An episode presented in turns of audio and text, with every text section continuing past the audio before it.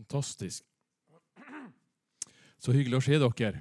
Du, Jeg skal be veldig kort bønn og så skal jeg dele noen ord med dere. Far i himmelen, jeg takker deg, Herre. Du er en stor, allmektig Gud. Et lite knips fra deg, Herre, så kan alt bli snudd opp ned. Et lite blink, et lite pust fra deg, så kan alt bli skapt. Du skapte himmelen og jorda. Vi var ikke der. Men ut ifra Guds ord så var det bare et lite ord ifra deg. Og så forandra det alt sammen. Takk, Elian, for at du tar det gjennom meg, tar det til andre, og bare ber, Herre, om at du skal få ære i Jesu navn. Amen. Du har tenkt jeg skal dele noen tanker med dere fra Nytestamentet fra to gutter som jeg alltid har sett opp til, så jeg lærer veldig mye ifra. Kanskje du har hørt om historien, kanskje ikke. Uansett, navnene er Kaleb og Josva. Og jeg har kalt dette et spennende liv av tro og overvinnelse, hvis det er nok, eh, godt norsk. Hvis du er norsklærer og ser noen bokstaver, så får det bare være. Ta det jeg skal si. Det er det viktigste. Ikke bry deg om alt det som er så viktig. Historien med Kaleb og Josva er det at de får stafettpinnen fra en stor ledelse som heter Moses. De har vært i ørkenen i 40 år. Moses fikk et oppdrag og sa det at du skal lede hele mitt folk dit. Og så skal du få se hvor fantastisk det er. Og nå står du akkurat én meter ifra å få alt sammen. Eller kanskje 30 cm. Eller du står på grensa. Jeg vet ikke om du har vært og gått over grenseoverganger noen gang. Jeg har gjort det mange ganger. Både i Norge, Sverige, Asia, Afrika. Så å si over hele verden. Å passere grenseoverganger det er alltid spennende. Det kan gå bra, det kan gå galt. Jeg skulle en gang til Ukraina, jeg har vært flere ganger i Ukraina. og Det skulle alltid gå greit, som alle sa, og så ble vi stående på grensa i 12,5 timer. Det var fint. Uansett, Kaleb og Jossa fikk stafettpinnen fra Moses. Gå inn og se hvor fantastisk dette landet er, som dere skal få. Moses har ledet gjengen i 40 år, og nå fikk Caleb også, pluss noen andre, ti stykker, til å gå inn og se, ta en liten sånn eh, runde i landet, og så komme hjem med ei fortelling om hvor fantastisk det er. Og Så kommer de hjem etter noen dager og så forteller de hvor fantastisk det er. Og Det som er litt interessant, er at Caleb Josfa ser akkurat det samme som noen andre, men fortellingene er helt to vidt fortellinger.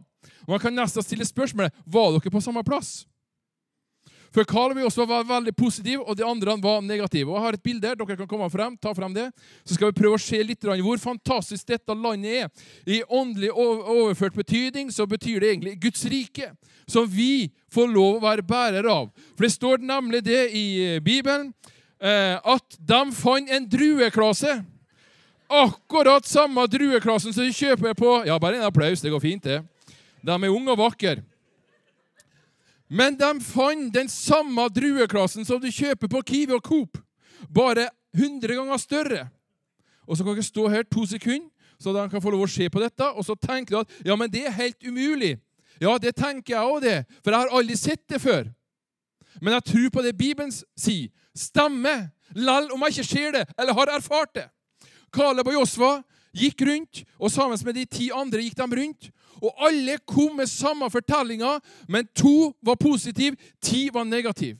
Og hvis du tror, eller mener overbevist at det fins ikke en sånn drueklasse som dette, for han er litt større enn på Kiwi, så kan du gå inn på YouTube. Så er det en landsby som har opplevd Guds velsignelser, der drueklassene er faktisk større enn dette. Nå kan du le, men gå inn på YouTube så google 'transformation'.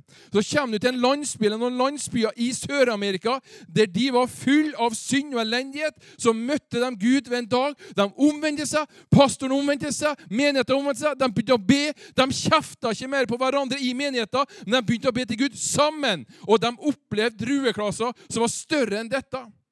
Og Hvis du ler og tenker at det er ikke mulig, gå inn på YouTube, så skal du få se det. Appelsiner, gigantiske fotballer. Arbeidsløshet ble snudd om til at alle og vel så mye folk rundt det måtte komme til landsbyen og hjelpe i jobbene, for de klarte det ikke sjøl. Dette er et bilde på Guds rike, folkens, som vi kan være bærere av her i dag. Og jeg ønsker å fortelle noe Takk skal dere ha. Jeg ønsker å fortelle litt, dele litt fra Kalbe Josva. De fikk se hvor fantastisk det er å være kristen og være troende. Hvilken makt, hvilke muligheter det er i den Bibelen som vi leser om. De hadde ikke Bibelen, vi har det. Men den livet som vi kan leve sammen med Jesus og Gud og Den hellige ånds kraft i hverdagen, er ubegrensa kraft til stede. Det er vi sjøl som setter begrensningene. Carl vi også sa det er så fantastisk. Han bruker et uttrykk som kanskje er litt vanskelig i dag. Det er en plass, et land som flyter av melk og honning. Det er ikke ofte vi snakker om melk og honning, men vi kan tenke om økonomi. Vi kan tenke om matvarer, alt annet. Men uansett, det var en plass der det var fantastisk å være. Men noe måtte overvinnes først, før de kom inn i det landet. Vi kan lese videre i eh, Gammeltestamentet om Josva. Karl vi litt videre der, så får Josva faktisk ansvar for å lede resten av gjengen. Moses dør, og Josva får oppdraget. Nå kan du gjøre det. Og Josva tenker dette går ikke. Jeg er ung, jeg er ny, jeg er urfaren. Jeg har ikke den kompetansen, jeg har ikke den utdannelsen, jeg har ikke de papirene til å være en leder. Han ble redd. Han ble, fikk frykten i seg. Og spørsmålet ble ble det frykten eller troa som skulle beseire Josva. Vi leser i Josva kapittel 1, vers 7, der Gud sier du skal være en ubestridte leder. På samme måte som jeg var med Moses, skal jeg være med deg, Josva. Jeg skal ikke slippe deg og ikke forlate deg. Vær sterk og modig, for det landet som jeg har lovt forfedrene deres, skal du føre dem inn i. Josva fikk skje fikk oppleve. Dette ligger foran deg. Dette er muligheten til å være en troende person. Men noe måtte overvinnes. Vi leser om en annen person i Gammeltestamentet, om David. David fikk sjansen, muligheten, til å bli konge. Han ble konge når vi leser historien. Men i Davids liv så måtte noe overvinnes. En ting som måtte overvinnes, det var en som heter for Goliat, en kjempe, en svær kriger. Kom du ikke forbi han, så ble du ikke konge. En annen ting som måtte overvise i Davids liv, det var en, en annen konge som het kong Saul, før David ble konge. Og Historien mellom Saul og David var at David ble forferdelig dårlig behandla. Han ble utnytta, han ble misbrukt, han ble forferdelig urettferdig behandla. Det var en vanvittig drama mellom kong Saul og David som skulle bli konge. Det var som katt og mus. David fikk oppdraget, fikk beskjed du skal bli konge, men det er noe som må overvinnes i ditt liv. Din stolthet, din hevngjerrighet. Og Vi leser historier mellom kong Saul og David om at David hadde flere muligheten til å ta livet av Saul. Men David overvinner sin stolthet, overvinner sin hevngjerrighet, overvinner sin stolte storhet til å si ja, jeg har rett til å gjøre dette. Så leser vi i Bibelen hvordan David reagerer. Og Det leser vi i 1. Samuels bok, kapittel 24. La Herren dømme mellom meg og deg. Jeg lar ikke min sinne gå utover deg, men jeg lar min ydmykhet gå til Gud, og jeg sier, 'Gud, dette må du ordne opp i' i 1. Samuels bok, kapittel 24. Her har vi forferdelig mye å lære, jeg og du, om å ikke dømme, baksnakke, men la Gud få være dommer. Dette var forferdelig vanskelig for David. Nå har jeg sjansen til å vise min rett. Nå har jeg sjansen til å ta det og peke på han. Du har mishandla meg. Du har behandla meg urettferdig. Gud ser det, jeg ser det, mange ser det. Nå skal jeg ta deg. Men nei. David sier, lell om det gjør ondt, så får Gud ta hånd om dette. Vi leser i Nytestamentet om Peter. Peter får et ord fra Gud. Du, Peter, skal bli min apostel. Du, Peter, skal den som skal forkynne evangeliet, plante menigheter. Og Peter planta masse menigheter. Oppdre undertegn og mirakler. Men det måtte overvinnes noe i Peters liv for å få tak i dette, for å få oppleve dette. Og da leser vi i, i, i Nytestamentet da Peter sitter i en båt. Så kommer Jesus på vannet. Og Jesus sier til Peter, 'Kom, Peter.' Kom, Peter. Peter tenkte det her er helt umulig. Skal jeg gå på vannet? Det går ikke. Men Jesus sier, 'Kom til meg.' Og Hva er det Peter måtte overvinne? Frykten. Peter måtte overvinne kontrollen.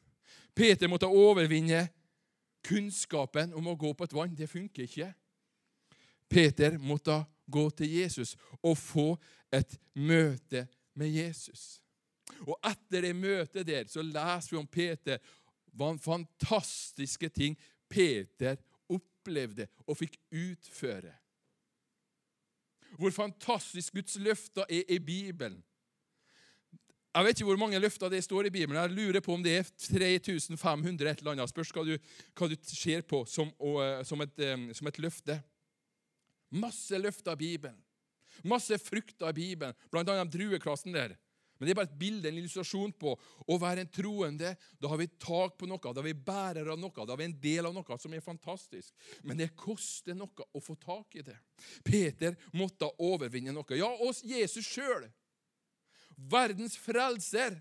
Han som redda meg og deg. Han som ga oss et evig liv. Han som tok bort avstand mellom meg og Gud, deg og Gud. Han òg måtte overvinne noe. Vi leser i Matteus kapittel eh, 18. Der leser vi at Jesus kom for å redde og frelse det som holdt på å gå fortapt. Men så leser vi i Matteus 26. Der måtte Jesus overvinne også noe. Min far, hvis det er mulig, så la meg slippe å gjennomføre dette. Men ikke som jeg vil, men som du vil. Gir over sitt liv til Gud. Jesus måtte gi opp sitt liv og gi det til Gud. Jesus sier, 'Jeg går dit du vil gå'. Jeg gjør det du ønsker jeg gjør, ikke det jeg føler. Ikke det jeg føler jeg har rett til å gjøre, men det som du mener jeg skal gjøre. Kjempevanskelig, kjempeutfordrende. Vi bommer alle sammen. Jeg bommer, jeg òg. Men det er noe som må overvinnes i vårt liv. Kaleb og Josva fikk masse løfter. Det måtte overvinnes for å få tak i det. David fikk et løfte. Det måtte overvinnes noe for å få tak i det løftet. Peter fikk et løfte. måtte overvinnes noe for å få tak i dette. Disse fruktene av Guds rike. Å være en troende. Jesus fikk løfter, men også måtte overvinne noe. Bibelen er full av lovord for oss troende, vi kristne, vi som tror og følger Jesus og Guds ord i hverdagen. Men gjennom Jesus, det Jesus gjorde på korset, så har vi adgang til alt dette som Guds rike inneholder. Jeg har et lite bilde som jeg vil vise dere. Det er nesten som et fjell. Nesten, du kommer nesten aldri til toppen. Du klatrer og du klatrer og du klatrer. og du klatrer og du klatrer og du klatrer. Noen ganger må du sette deg ned, noen ganger så, rupp, så rusher du nedover. Men så er det å reise opp igjen og så klatre videre. Guds rike er nesten som å bestige et fjell. Det er ubegrensa muligheter. Det er ubegrensa kraft. Det er ubegrensa velsignelser. Det er som et gigantisk svært fjell. Og mange ganger så kanskje detter vi. Mange ganger så tenker vi nei, dette er ikke mulig. Og så viser Bibelen oss gjennom Kaleb og Josva ja, men det er mulig, folkens. Ja, men jeg har bedt og bedt. Ja, men fortsett å be. Gi ikke opp. Ja, men jeg har prøvd, jeg har prøvd. Ja, prøv litt til. Ja, men jeg har gitt og gitt og gitt. Jeg får aldri noe mer tilbake. På en tidspunkt så får du noe tilbake. Ja, men jeg ønsker, jeg ønsker, jeg ønsker. Ja, fortsett å ønske. En dag kommer det men det vi leser her i Bibelen, gjennom historier med Caleb, Josva, David, Peter og Jesus, så leser vi ja om et spennende liv. Et liv av tro, under, tegn og mirakler. En Gud som er med i hverdagen. De var helt og fullt overbevist om at Gud kom til å hjelpe, uansett hvordan det så ut, uansett hvordan det, hva som skjer. Men det kom ikke automatisk. Det kom etter at noe i deres liv ble overvunnet.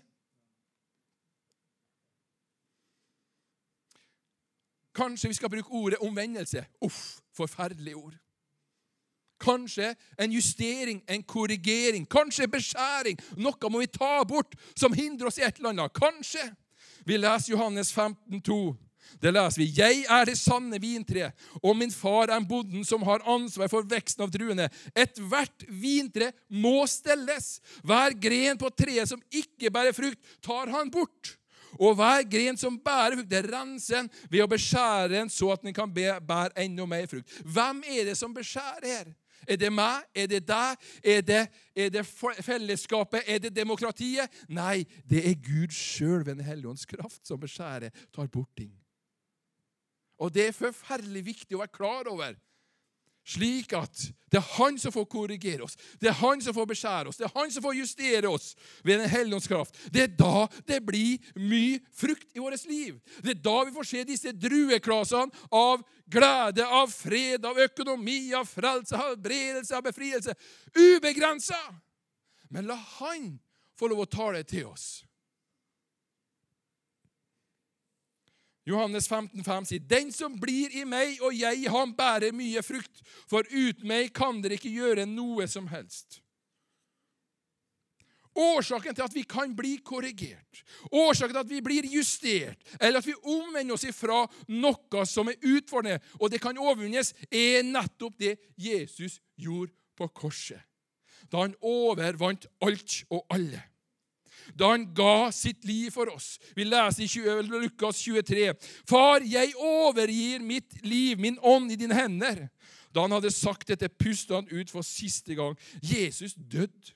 Han overgav livet sitt. Han tok på seg alle våre sykdom og smerter, som det står i Jesaja 53. Sykdommen tok han på seg, smertene bar han. Vi tenkte at han ble straffet av Gud, straffet for sine egne synder. Men han ble såret for våres lovbrudd og knust for våre synder. Han ble slått for at vi skulle ha fred. Han ble piska slik at vi kunne få legedom. Vi har alle vendt oss hver vår vei og er helt på villspor, akkurat som sauer, som vi hørte. Alle har vi noen gang forlatt Guds vei og fulgt vår egen vei. Men all vår skyld ble sona da straffen ble lagt på Jesus Kristus. Og gjennom det så kan vi ha håpet og troa. Det kommer til å bli overvunnet, det som hindrer oss. Derfor kan vi si det i dag, på grunn av mitt tro og overbevisning på det som Jesus gjorde på korset, og hvem han er for meg. Og at leve et hverdagslig liv i tro som preger og forvandler meg som et menneske. Jeg tror ikke at jeg lever på ei tru, eller tror på ei tru, men jeg tror også på at det skal leves i hverdagen. At det skal prege oss i våre handlinger og meninger og, og det vi gjør. Sånn som Efeserbrev kapittel 5 sier. For hvis vi lever for Gud, så må vi også la Guds ånd få prege oss. At troa får prege oss. Ikke bare teori. Ikke bare når vi er på møte og, og synger sanger sammen med Kenneth og roper halleluja. Det er så enkelt. Men også når det er litt vanskelig hjemme på jobben, i ekteskapet.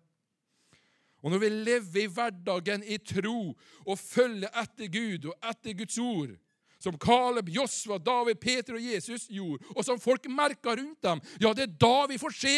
Det et av løftene i Bibelen sier i Efeserbrevet kapittel 5, 27, 5, 22. Da får vi se mer kjærlighet, da får vi oppleve mer glede, da får vi oppleve mer fred, da får vi oppleve mer tålmodighet, da får vi oppleve mer vennlighet blant troende, da får vi oppleve mer godhet rundt omkring, da får vi oppleve at folk vil være trofast og ydmyk og selvkontroll kontroll. Alt dette er summen av Guds ord, sier Bibelen. Når vi lar troa vår bli prega i, i hverdagen vår. At vi lar ting bli overvunnet som er vanskelig for oss. Og At vi klarer å sette ord på det. Og At vi tør å be om tilgivelse. Og At vi tør å snakke med hverandre. At vi tør å be for og med hverandre. Da blir det slik at vi vil ha mer av Gud, sånn som de opplevde av Gud. Da vil vi bli mer prega av det. Da vil vi, bli mer, vi blir faktisk mer redd for å miste Guds godhet i vårt liv. Så som kong Saul faktisk sa i den konflikten mellom han og David. Gud, David og dere som er rundt meg, jeg har mista Guds velsignelse. Jeg har problemer. Jeg er redd, leser vi om kong Saul. Da blir vi redd av at vet du noe, jeg må ikke, jeg vil ikke. Det er ikke bra for meg å miste Guds kraft, Den hellige ånd, Jesus Kristus i mitt liv. Jeg er avhengig av det. Da blir det mye viktigere enn hva andre rundt deg sier og mener. Torsdag, juli, klokka halv sju. Mellom halv sju og halv åtte Torsdag 27. juli var det. Så fikk jeg et møte med Gud. Helt overraskende. Jeg ble tatt veldig på senga. Helt fantastisk. Jeg satt hjemme hos en eller hos min ateistiske mor, hos min ateistiske stefar, nevnes ikke Guds ord. Bibelen borte vekke. Ja, Det er faktisk en gammel bibel fra 1800-tallet i bokhylla, men den arva. Men den skal ikke røres. Den skal ikke nevnes i Guds ord. Jeg satt der i sofaen. Min mor sa til meg, Jonny, jeg tar ungene. Fantastisk, tenker jeg. Det er godt å høre som småbarnsfar. Bestemora tar ungene. Hadde en time før meg der. Satt jeg på mobilen. Hva gjør jeg nå? En time fri? Det er jo himmelen på jord. Logga meg inn på et møte. Har aldri hørt om pastoren. Veit ikke hvem han er. Preker et budskap. Helt normalt budskap. Ikke noe spesielt. Jeg har preka det mange ganger. med andre ord. Miriam andre har preka det. Helt normalt. Så sitter jeg plutselig, og så bare kommer Guds godhet og tar tak i meg og vrir meg rundt. Og jeg ble helt tatt av dage. Og så kommer den lille korrigeringa. Jonny, hva med å tilgi? Så var det noe rundt dette. Nei, tenkte jeg. Jeg har all rett. Jeg er åndelig, jeg er kristen, jeg er troende. Det dem som har feil. Hva med å tilgi? Så sa jeg ja, jeg skal tilgi alt sammen. Tilgi min mor, tilgi min stefar, som har vært problemer nå i 34 år. Helt greit, for dette nærværet her vil jeg ha. Så satt jeg der for meg sjøl, hørte på prekena.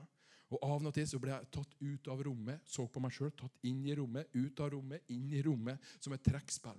Veldig merkelig. Men den Guds godheten, kjærligheten Det var ingen sånn hallelujamøte der. Det skal jeg love deg. I den sofaen der hos min artistiske mor. Ingen følelser, ingenting. Men bare sånn Dette vil jeg ha mer av. Og når dette var ferdig, så bare går jeg til min stefar og bare sier du er, du er fin, du, sa Og han ble jo så sjokka at han sovna jo med en gang. Ja, seriøst. Og der starta det. Og vet du noe? Dette har prega meg hele tida. Og når folk mener det ene og det andre Du er for tjukk som pastor, du er for tynn pastor. Ja, jeg bryr meg blaffen i det. Du preker for kort, du preker for lenge. Vi må ha de musikkene. Vet du noe? Hvis ikke du er mer opptatt av Gud enn som så, kjør ditt løp. Jeg vil kjøre mitt løp. For det gudsmøtet jeg hadde 27. juli, torsdag 27. juli fra halv sju til halv åtte. Hvorfor var det en time? Jo, for det var da mor mi sa du har en time på deg, Jonny, i sofaen og er fri. Og da kom Gud der. Uten forberedelser, uten bønnemøte, uten Bibelen på bordet. Men Gud kom der. Og vet noe? Det er du avhengig av, det er jeg avhengig av. Men det kommer ikke automatisk. Det kommer etter en korreksjon. Du møter Gud, og så blir spørsmålet vil du ha dette mer i livet ditt. Når Gud snakka til Kaleb og Josva, når Gud snakka til David, når Gud snakka til Peter, så sa Gud at 'Dette skal du få! Dette er for deg hele Guds rike!' Men hvem vil du følge? Vi har alle noe vi bør bli korrigert på. Vi har alle noe vi trenger å be om tilgivelse for. Mellom medmennesker eller mellom Gud. Jeg vet ikke hvor du er her, men vi alle har noe det vi trenger å si Gud, du får bli større i mitt liv og jeg må bli mindre i mitt liv. Vi skal feire nadværen om noen få sekunder. Og hva er nadværen for noe? Jo, det er det at Gud, det du gjorde på korset, det skal prege meg mer i min hverdag. Jeg skal tilgi, jeg skal strekke meg. Vet dere. Jeg har all rett til å si mor, du har vært en forferdelig mor. Følelsene mine er det. Men Guds prinsipper, Guds ord, Guds sannhet sier Jonny, Strekk ut hånda. Hvorfor kan jeg det? Jo, for jeg har blitt tilgitt på korset, der en døde for meg. Vi reiser oss opp, og så skal vi feire nadværen. Så det er De som skal komme frem og feire nadværen, de kan komme frem. Åge, du kan jo komme frem. Men før vi skal feire nadværen, før vi skal ta del i dette Det er, det er saft, alkoholfritt. Det er brød som er glutenfritt alle menneskets kunstens regler. Vi har vaska oss på hendene, vi har desinfisert altså, Vi gjør alle menneskelige kunstens ordner og alt. Men vet dere, det betyr ingenting i forhold til livet ditt og hjertet ditt og forhold til deg og Gud. Og viktigste svaret, viktigste korrigeringa i ditt liv, det er Jesus, er du 100% i mitt liv? Følger jeg deg helhjerta? Ja eller nei? Og du vet svaret sjøl. Sidemannen din vet kanskje ikke svaret. Kanskje og med ektefellen din vet ikke svaret, men det er du bare som vet det. Og Nå ønsker jeg at vi skal lukke våre øyne to sekunder, og så vil jeg gi denne muligheten for deg til å connecte med Gud 100% Gi livet ditt til 100 Bli frelst, som vi kaller det. Vil du at Guds godhet, Guds kraft, skal prege ditt liv, så er det en liten korreksjon der, en liten justering. Det at du må si 'Jeg skal følge deg, Jesus'. Koste hva det koste vil. Hva folk sier, det skal vi ikke bry oss om. Men ditt liv, ditt hjerte, mellom deg og Gud og Jesus er det viktigste. Så la oss alle bare lukke våre øyne bare noen få sekunder. Skal jeg be en liten kort bønn når vi står her i stillhet, i respekt. Står du her og du vet at du ikke har gitt livet ditt 100% til Jesus, så skal du få en sjanse nå når jeg teller til tre, og bare rekke opp hånda di, så skal jeg be en liten kort bønn. Én, to Jesus døde for deg. Han sto for deg, for han ønsker det fellesskapet med deg. Og tre, rekk opp hånda di, så skal jeg be for deg. Hvis du ikke har tatt det skrittet ennå.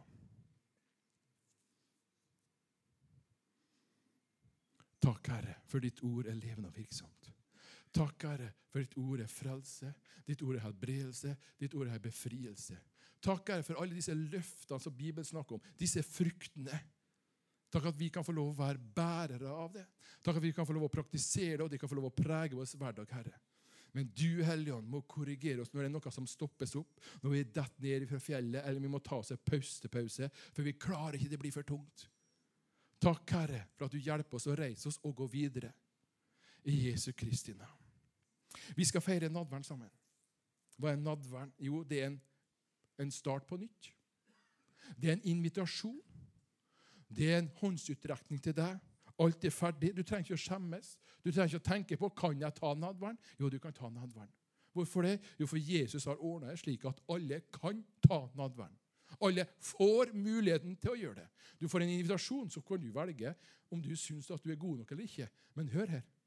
Gud sier at du er god nok. Derfor at han døde på korset for deg. Og da er alt utsletta.